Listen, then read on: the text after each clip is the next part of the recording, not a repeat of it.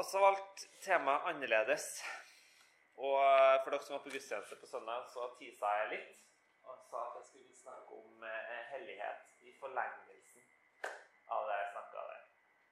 Eh, og det jeg starta med, det jeg avslutta talen med, det skal jeg snart begynne. med. først så skal jeg be ei bønn.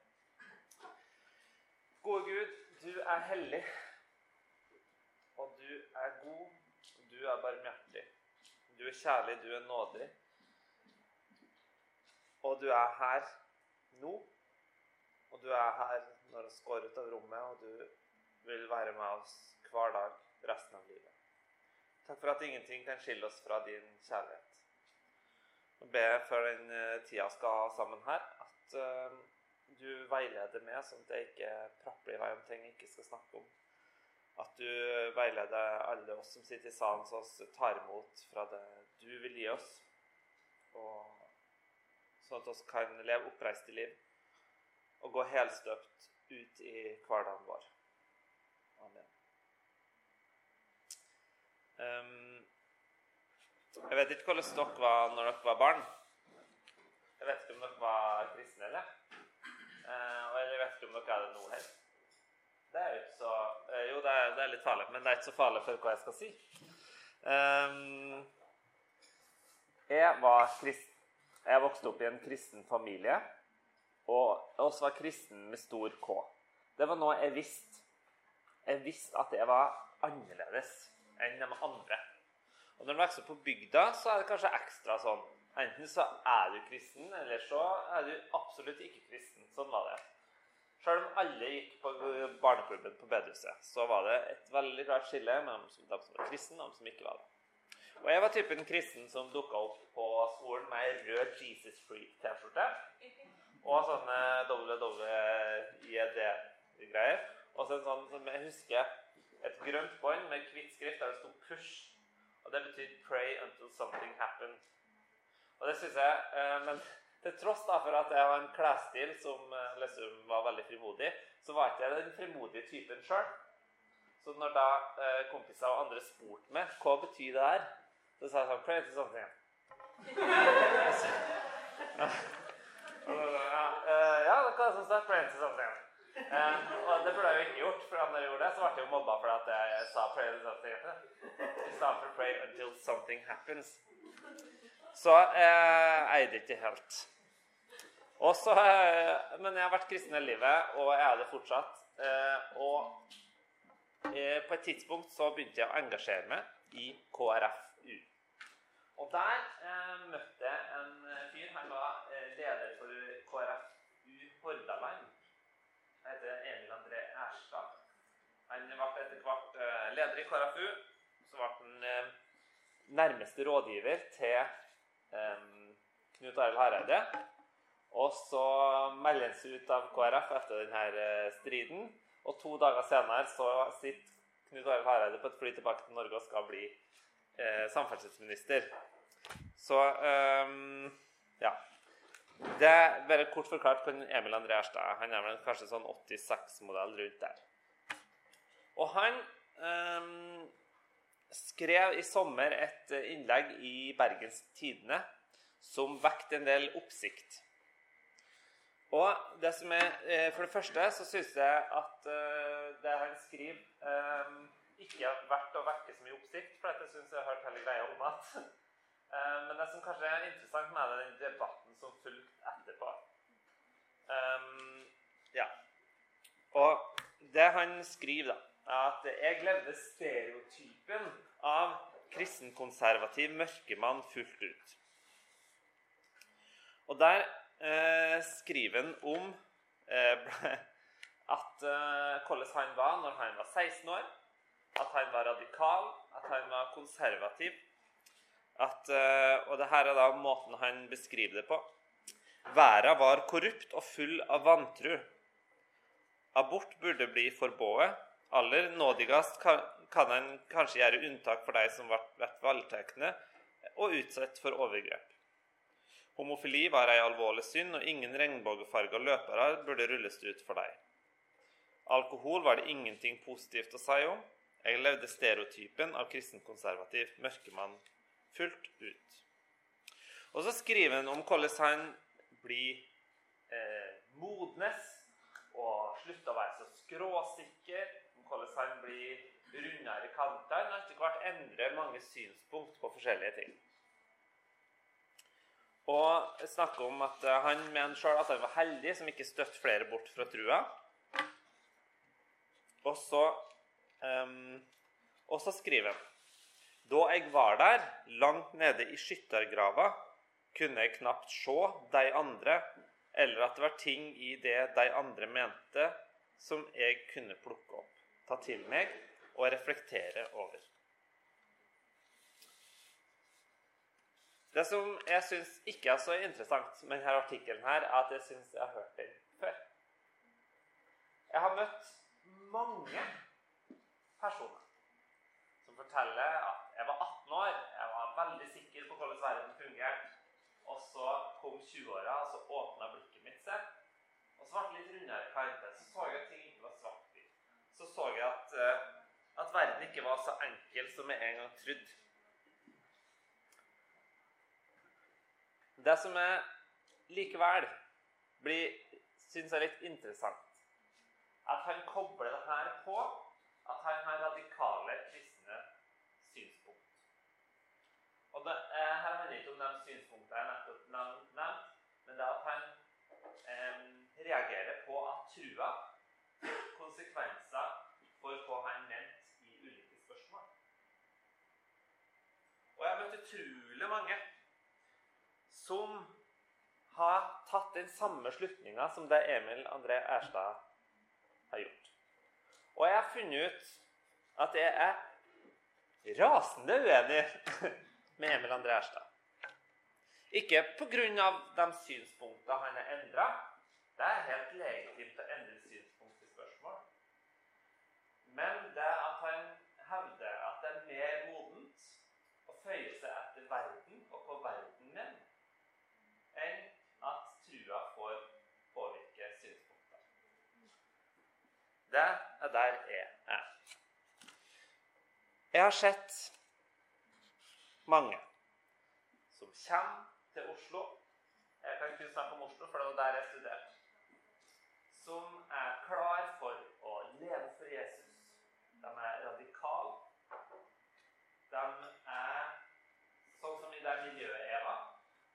Så eh, var de radikale på måten de levde. På å ikke forbruke så mye. På å ikke reise så mye med fly. På å kjempe for fred og rettferdighet. For at eh, deres politiske og religiøse standpunkt skulle få betydning for livet sitt. Jeg veldig aktiv i en organisasjon som het Changemaker.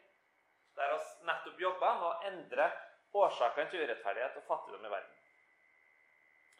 Og eh, som jeg har fortalt eh, tidligere til noen her, så enda det opp med et familieselskap der jeg fikk både onkel og tante og mor til å gråte fordi at eh, jeg var såpass hard med dem på bilkjøringa og sa at de ikke kunne kjøre dattera si tre mil til, til det? Det heter turntrening hver dag, nei, fire ganger i uka. Fordi at det forurensa for mye.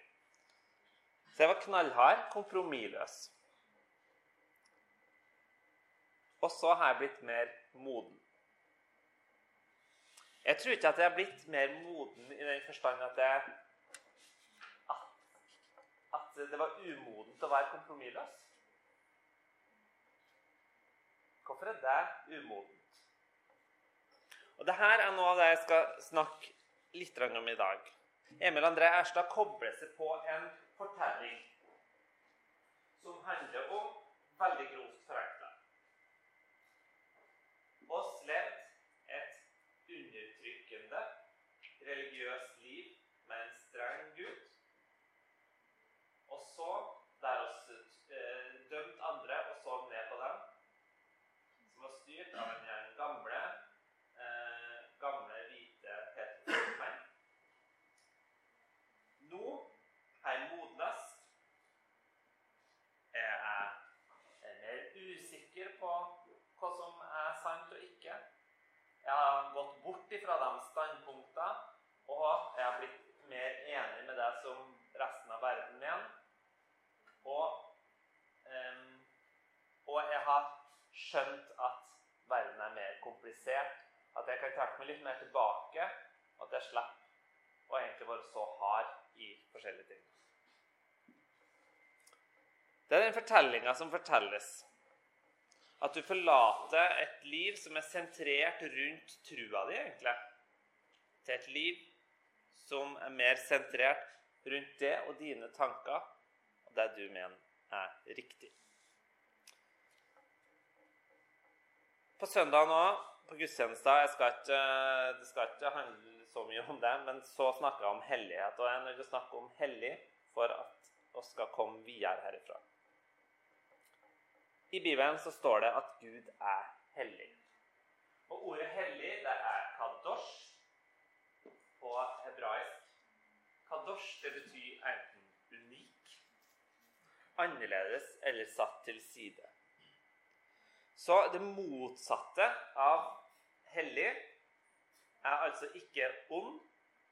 Det er ikke snill. Det er ikke god, sånn som noen kanskje kan.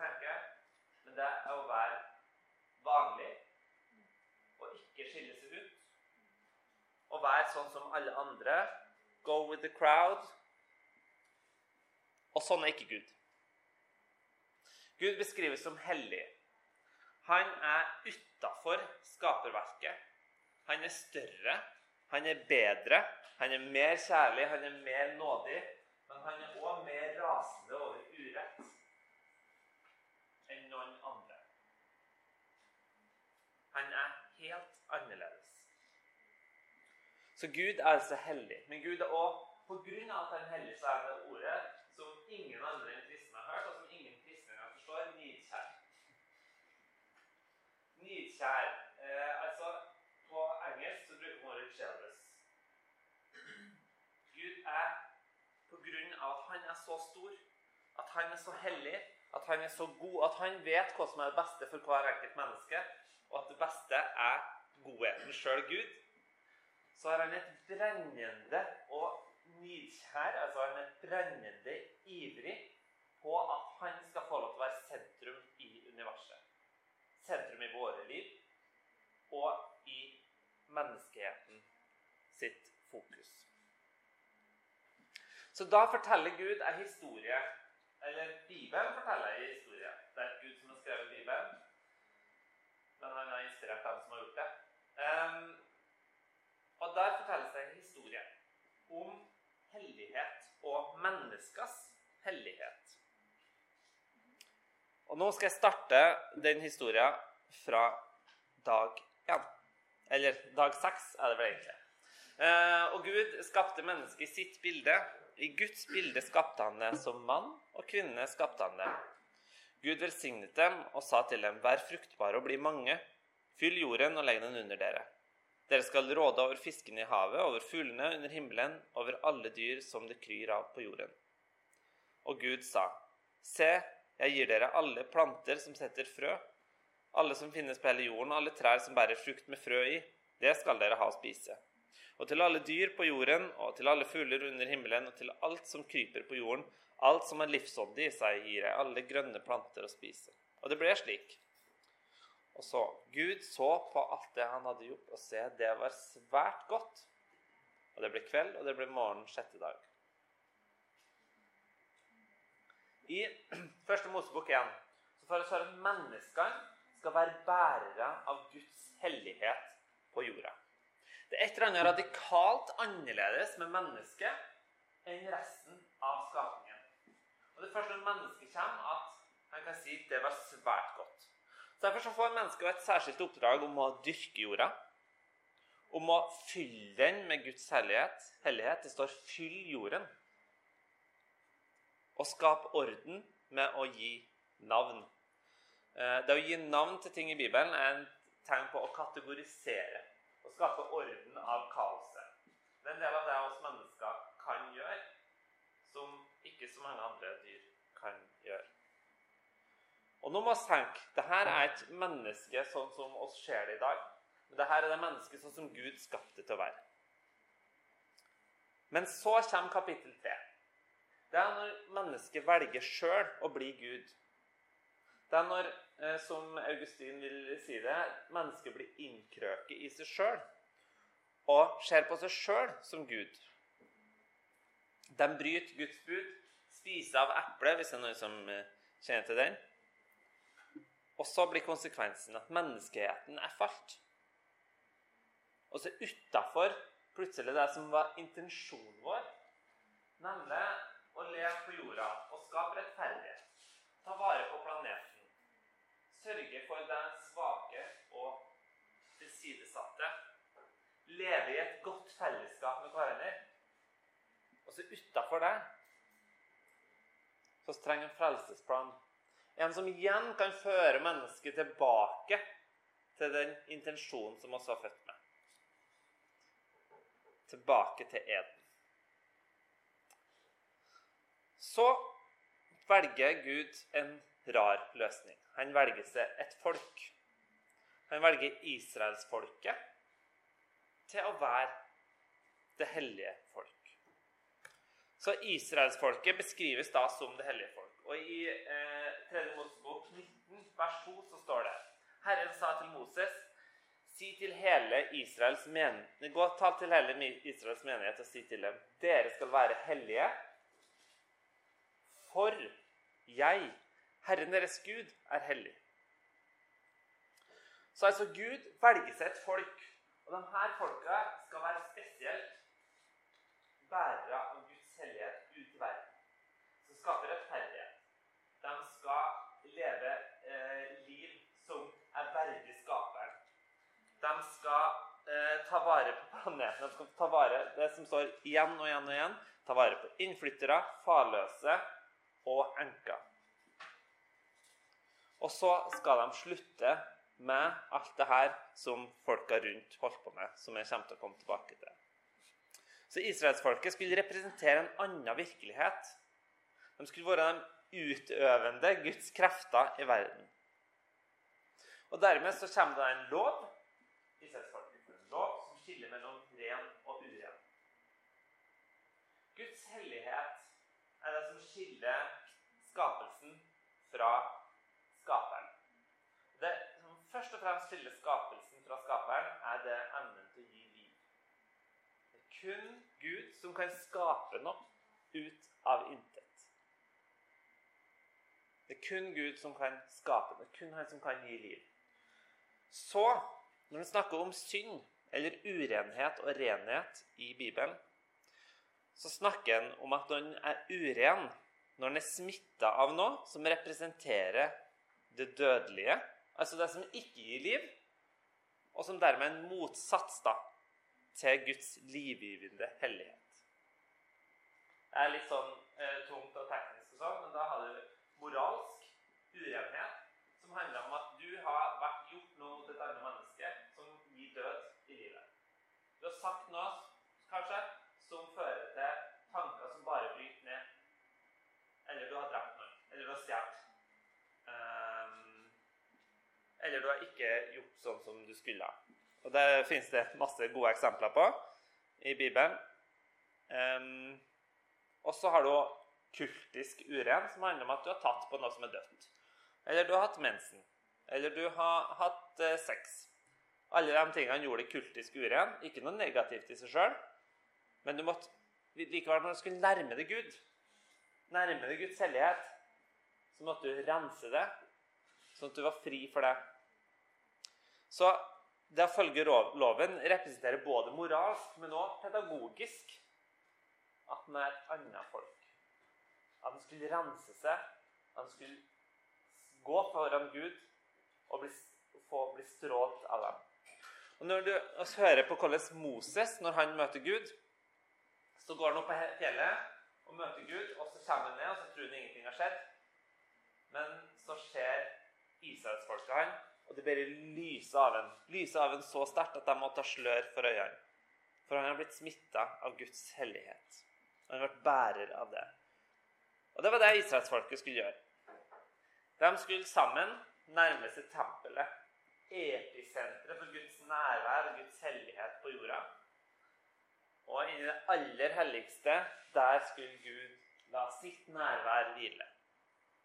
Og der skulle um, israelsfolket komme fram for Gud.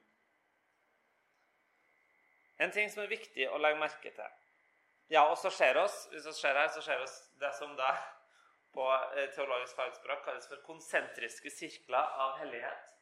Innerst er det mest hellig, og så litt utafor så er det litt mindre hellig. Og utafor der så er det litt mindre hellig. Men poenget var at Israel skulle ut fra det ha et kraftsentrum som de gikk ut i verden og spredde Guds hellighet med. Og for dere som har lest eh, eh, Bibelen, så vet dere at det gjorde dem skikkelig dårlig. Um, fordi og en av de viktige tingene Det er først og fremst Gud som gjør hellig. Så selv om de fikk en lov de skulle følge for å liksom leve et hellig liv, alt mulig sånn, så er det først og fremst Gud som er kjernen for hellighet. Ingen mennesker kan gjøre seg sjøl hellig. Det er kun gjennom Gud. Så hvis vi da leser videre i 3. Mosebok, vers eh, kapittel 19 Og jeg vet at å referere fra 3. Mosebok det er noen som kanskje syns at det er litt eh, kjedelig. Jeg håper det kommer, eh, kommer bort derifra snart. Da sier eh, sier eh, Gud til Moses Ta til hele Israels menighet og si til dem dere skal være hellige, for jeg, Herren deres Gud, er hellig. Og Det som er utrolig interessant her, er at det alle Der kommer det en mengde bud under. Masse bud. Men jeg tok og jeg fjerna eh, noen vers bare for å få det inn på ei side. Hvis dere ser alle dem med utheva svart, alle dem handler om andre mennesker. Så umiddelbart når Gud ber folk være hellige, så handler ikke det om dem. Det handler ikke først og fremst om israelsfolket eller den enkelte persons opplevelse av at nå er jeg hellig. Men det handler om at israelsfolket skulle gjennomstråle Guds hellighet ut i verden. I tillegg så er begrunnelsen hele tida den samme. Jeg er Herren. Så ser på denne sida hvor mange ganger det står 'Jeg er Herren deres Gud'. Det er fordi at målet ikke er det de gjør, men målet er at det hele tida skal lyse tilbake på Gud. Og så klarer ikke de det her. Så blir det dårlig stemning, og så er profetene rasende. Men så er det en eh, håpsprofet for dere som var på gudstjeneste på søndag, dere fikk høre om eh, Jesaja.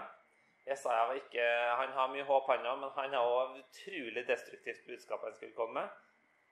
En som kom, kommer Han måtte nok det, han òg, men han kom med enda mer positivt. Det var Esekiel. Som skriver i Esekiel 36 en viktig passasje som, om framtida. Jeg vil hellige mitt store navn som er vanhelliget blant folkeslagene. Det som dere vanhelliget blant dem. Altså Israelsfolket var kalt å være annerledes, være et hellig folk. Men så blir de med på menneskehetens korrupte og eh, opprør mot Gud. Folkeslagene skal kjenne at jeg er Herren, sier Herren deres Gud. Når jeg gjennom dere viser meg hellig for øynene på dem. Jeg henter dere fra folkeslagene, samler dere fra landene og fører dere hjem til deres eget land. Jeg stenker rent vann på dere, så dere blir rene. Jeg renser dere for all urenhet og for alle avgudene. Jeg gir dere et nytt hjerte, og en ny ånd gir jeg inni dere. Jeg tar steinhjertet ut av kroppen deres og gir dere et kjøtthjerte i stedet. Jeg gir min ånd i dere, så dere følger forskriftene mine, holder lovene mine og lever etter dem. Da skal dere få bo i det landet jeg ga fedrene deres. Dere skal være mitt folk, og jeg skal være deres Gud. For israelsfolket så hørtes det sikkert fint og flott ut. Men for oss som lever etter Jesus, så blir det enda bedre. Det syns jeg er litt kult. For du bare ser hvordan Jesus kommer og oppfyller alle det her. Jesus kommer med, en, med ånd. Jesus kommer og renser oss, sånn at vi kan gå fram og bli rensa ved Jesu blod. Og kunne stå framfor Gud eh, ren og hellig. Jeg skal oppsummere litt sånn, hva var det som kjennetegna jødene i forhold til andre folk. For det er et litt sånn uh, interessant ting. Og det her er ikke fullstendig og veldig enkelt forklart. Men mens folka har mange guder, så er jødene én. Mens folka rundt israelsfolket drev med menneskeofring, så skulle jødene kun ofre det første de fikk av grøden av dyra. og Eh, mens eh, folka rundt kunne spise alt mulig, så har jødene helt egne forskrifter for mat. For de skulle skille seg. Mens uke- og årssyklus var orientert rundt jordbruket for folka rundt, så har jødene orientert alt sammen rundt frelseshistorien, rundt det, Jesus, rundt det Gud gjorde. Mens folka, vel, folka rundt da, eh, har en veldig sterk forskjell på menneskets verdighet. F.eks. kvinner, slaver, barn, utlendinger. De som eh, ikke fulgte eh, de vanlige lovene. Så har jødene et veldig sterkt fokus på at alle mennesker er like mye verdt. Og spesielt er kvinner løfta opp av jødene kontra konteksten rundt. Og mens eh, seksualitet blant folka var fri flyt, så var, har jødene forbeholdt seksualiteten mellom, mellom ekteskapet mellom man, en mann og en kvinne. Og så skjer det et fall her. Hele Gammeltestamentet handler nemlig om en historie om et folk som bryter med Guds plan. Og det skapes en forståelse av at Gud sjøl må komme og etablere sitt rike på jorda. Ja oss Nei, oss går vi her. Ja. Og så kommer Jesusbevegelsen.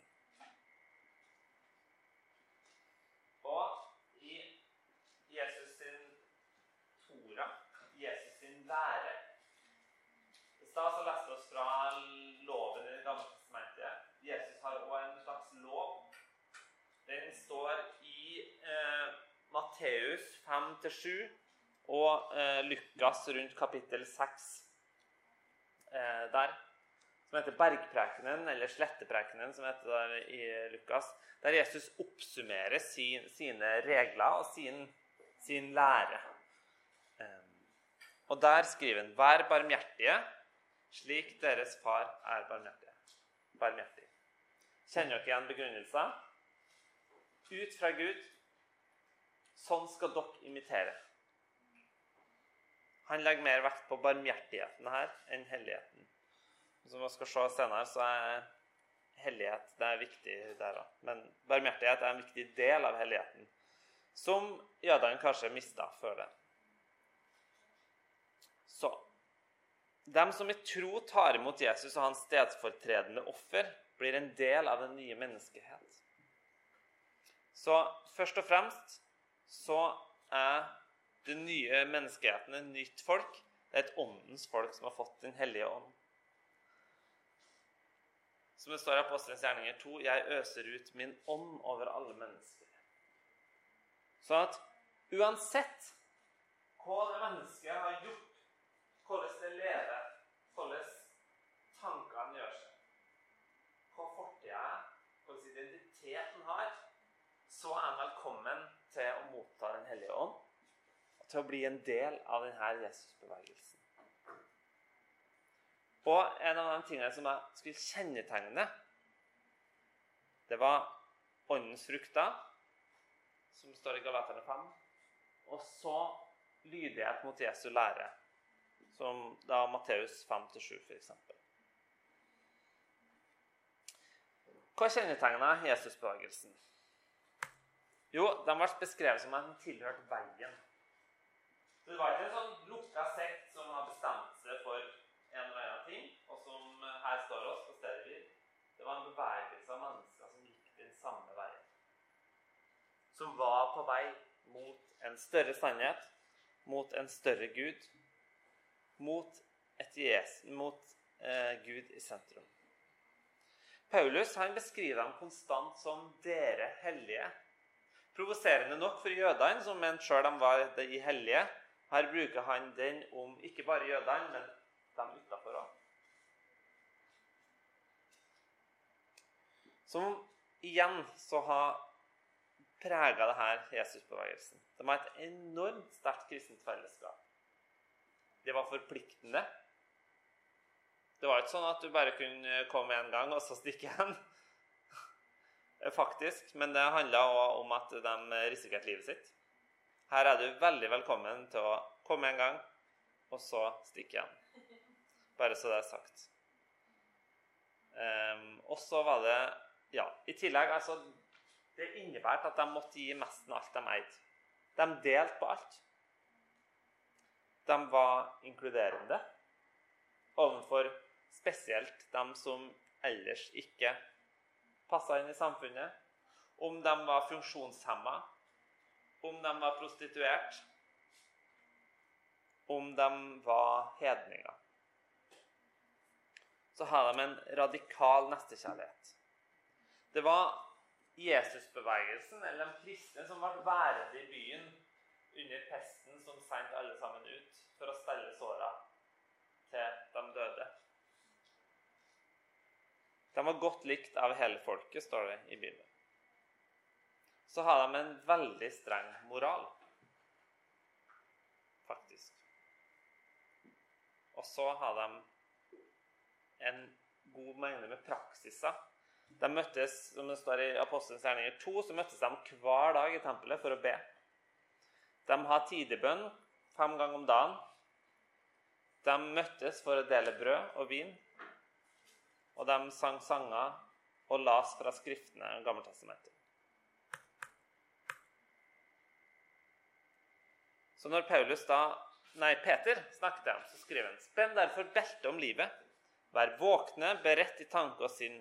Send håp, sett håpet fast, fullt og fast til den nåde dere skal få når Jesus Kristus åpenbarer seg. Som lydige barn skal dere ikke lenger lede av de lystne dere fulgte den gang dere levde i uvitenhet. Han som kalte dere, er hellig. Slik skal også dere være hellige i all deres ferd. For det står 'Dere skal være hellige, for jeg er hellig'. Så Han snakka altså om at det var en mengde folk da, som levde i uvitenhet. De var umoden. De gjorde bare sånn som resten av verden.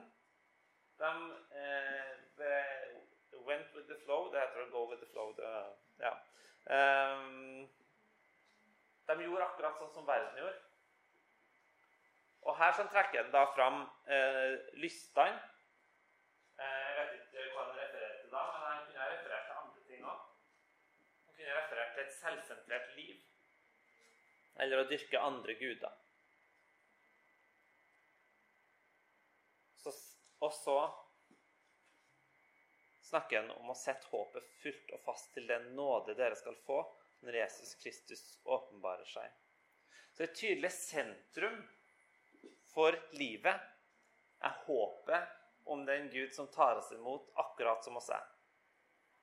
Akkurat Han tar imot det når du har seira, når du har gjort det bra. Han tar imot det når du føler det skitten. Han tar imot det når andre har tråkka det ned. Og han tar imot når du har tråkka ned andre. Så for den første kristne så betydde det å være hellig det betydde to ting. Det ene handler om en bestemt livsførsel som gjenspeiler Guds hellighet.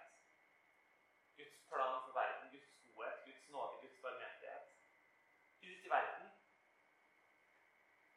Det er den positive delen av det.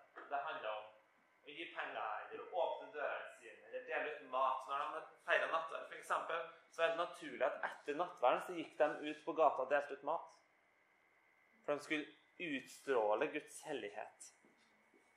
Guds overflod av liv og kjærlighet.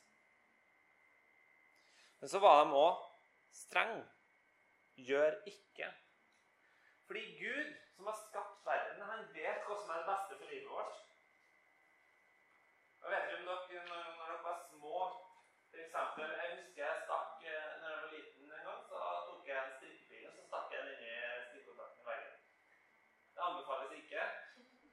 husker jeg sa på mamma at hun var kjempesint på meg. Jeg var bare lei meg. Men hun var jo sint fordi at hun var redd. Hun ville skåne meg fra den smerten. Hun ville skåne meg fra å ødelegge meg sjøl. Nå blir ikke den ødelagt eh, fra, ja, Hvis du holder lenge nok, så blir du kanskje det. Jeg vet ikke. Eh, Gabriel vet kanskje mer enn meg hvor lenge du må holde eh, en strikkepinne inni for å bli Ja. Uansett. um, ja. Gud kan òg være sint. Og det er òg noe av det de levde ut. De prøvde å leve på en sånn måte, eller unngå å gjøre ting som representerte død. Som førte død inn i andres liv og død inn i sitt liv. Som ikke var med på å spre liv, overflod og glede.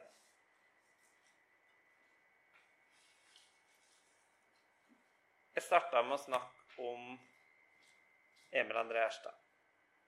Om den historien som han har kobla seg på. En historie om at han har levd religiøst undertrykt, og nå har han frigjort seg. Og mange vil si 'jeg fant meg sjøl'. Det sier ikke han, altså.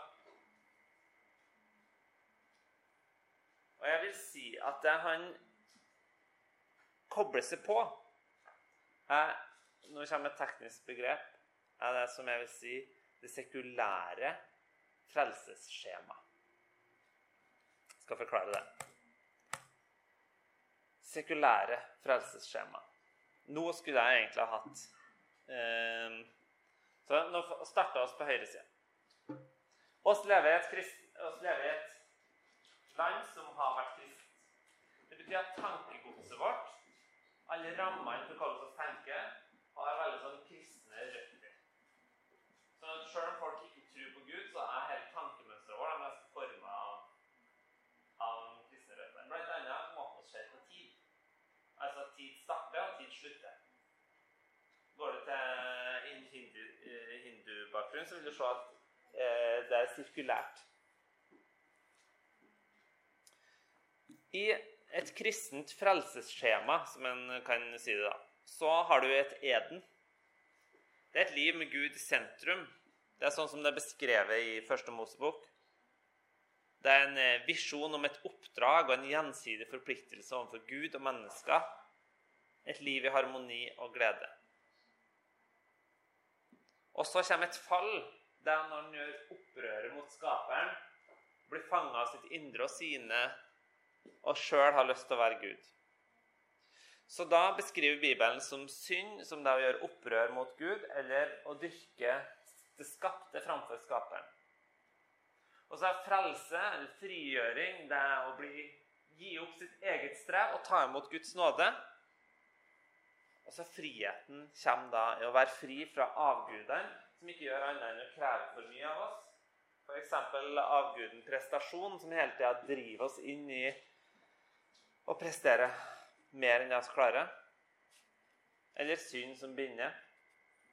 Jeg tror ingen som har sett på porno, som tenker 'Å, nå føler jeg meg helt fri. Jeg kan slutte når som helst' i det du sitter og ser. De fleste vil oppleve at det driver en mot driven inn i et eller annet. Det binder.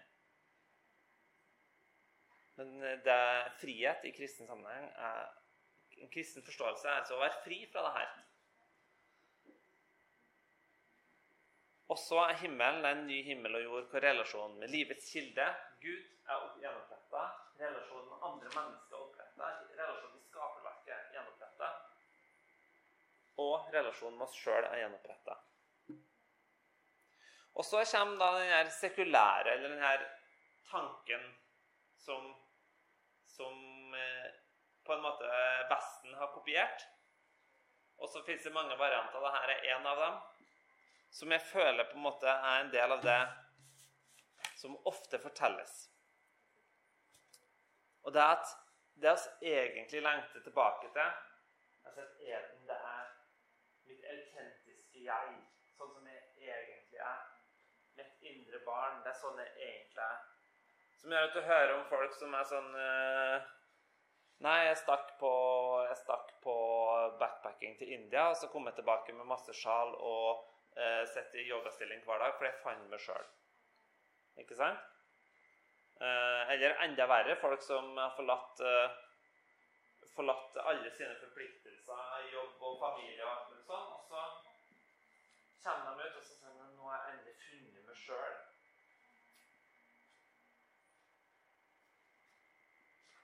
Så da blir fallet det er alle de her traumene. En eh, skolekamerat som sa en eller annen ting til deg når du var liten. Det kan være bindende forpliktelser. Nei, jeg var fanga. Jeg var fanga i, eh, i et, eh, hva si, et ekteskap da, der vi var forplikta på hverandre. Eller en menighet der vi var forplikta. Og så var underlagt, jeg var underlagt autoriteter. Jeg har masse ting som jeg måtte gjøre pga. at jeg var underlagt en autoritet. Jeg undertrykte følelsene mine. Jeg har fått en identitet som andre har gitt meg. Og det som er interessant, er at alle de her tingene her er jo ting som kan skade mennesker.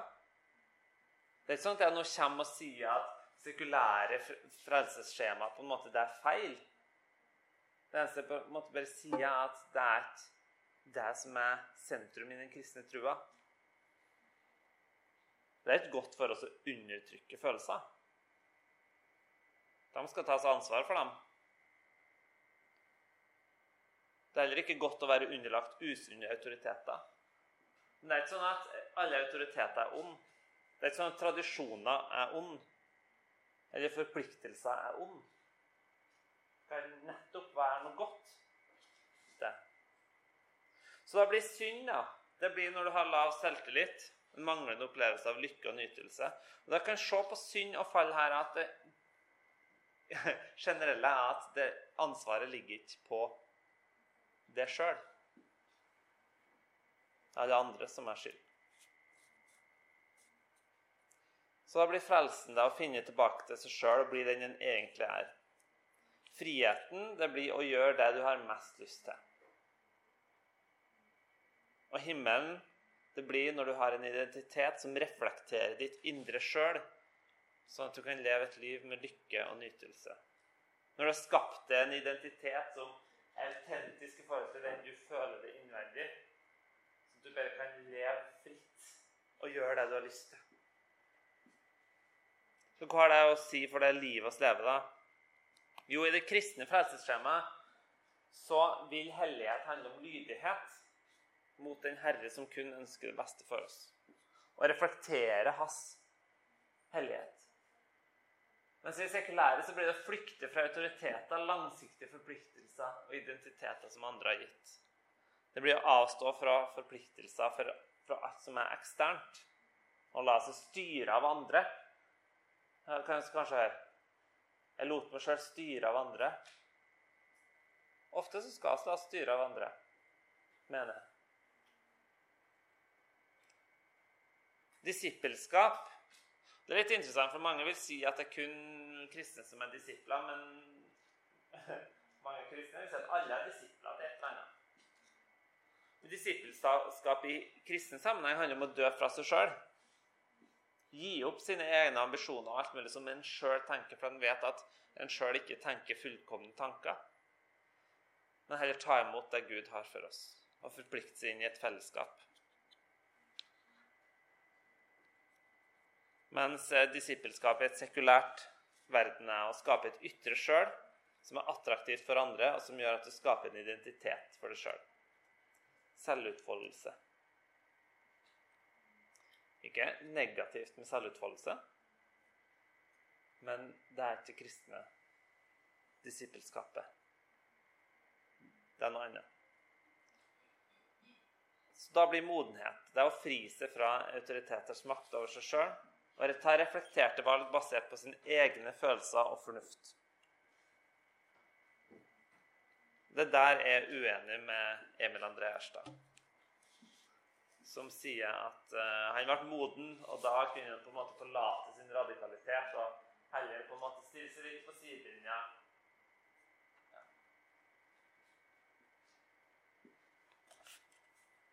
Den kristne modenheten er å være fri fra, fra sin egen manglende forståelse til hva som er rett og galt, og overgi seg mer og mer til Han som vet alt. Jeg gikk motsatt vei. av Emil. Ikke i starten. De første åra i Oslo så merka jeg meg sjøl at det var noen spørsmål som bare kom mer og mer og mer inn i meg. Det var spørsmålet Hva som er så galt med Hva er det som er så galt med å ta noen flyturer i året alle gjør det? Hva er det som er så galt med å drikke med drita? Hva er det som er så galt med å ha sex med eh, nye folk hver helg? Nå sier ikke jeg at jeg gjorde det her, men tankene kunne komme.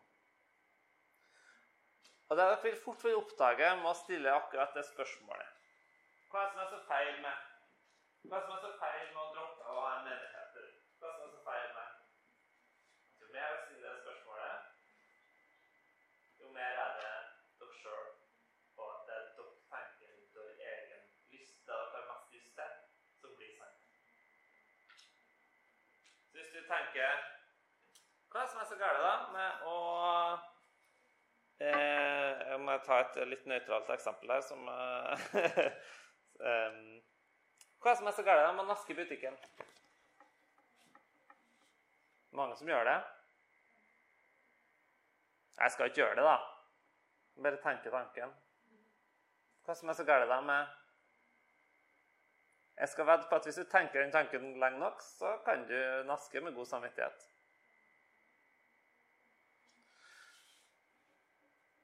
Jeg tror at vår egen fornuft og våre egne følelser de hører med en etisk diskusjon, en etisk samtale.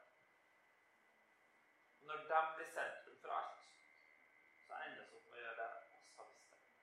Og det jeg har lyst til, det kan jeg se nå. Og mine refleksjoner, det kan jeg se at de er så ufullkomne. Da må jeg gå til den, full, den fullkomne og spørre han. Det er det jeg mener sann modenhet.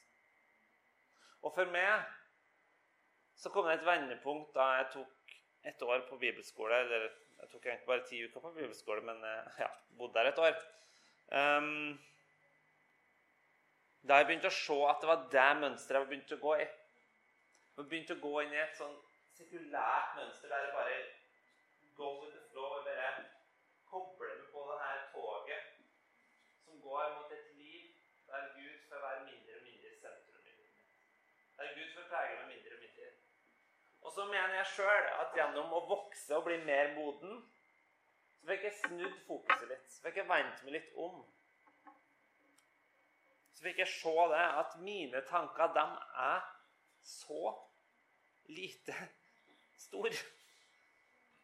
Noen ganger så kan jeg synes jeg er kjempesmart, men stort sett så er det faktisk ikke i forhold til Gud. Mine tanker hører med når jeg skal ta beslutninger. Mine følelser hører med. Jeg må òg legge det i Guds hånd. Det er det jeg vil kalle modenhet. Det jeg vil kalle den historien som oss burde strekke oss etter. Og så vender jeg meg stadig feil vei. Det er derfor jeg kommer på gudstjeneste hver søndag. Og eh, hvis det har vært litt mer tradisjon for det, så skulle jeg gjerne bøyd kne altså under den synsbekjennelsen, for jeg vet at jeg har tilført verden død.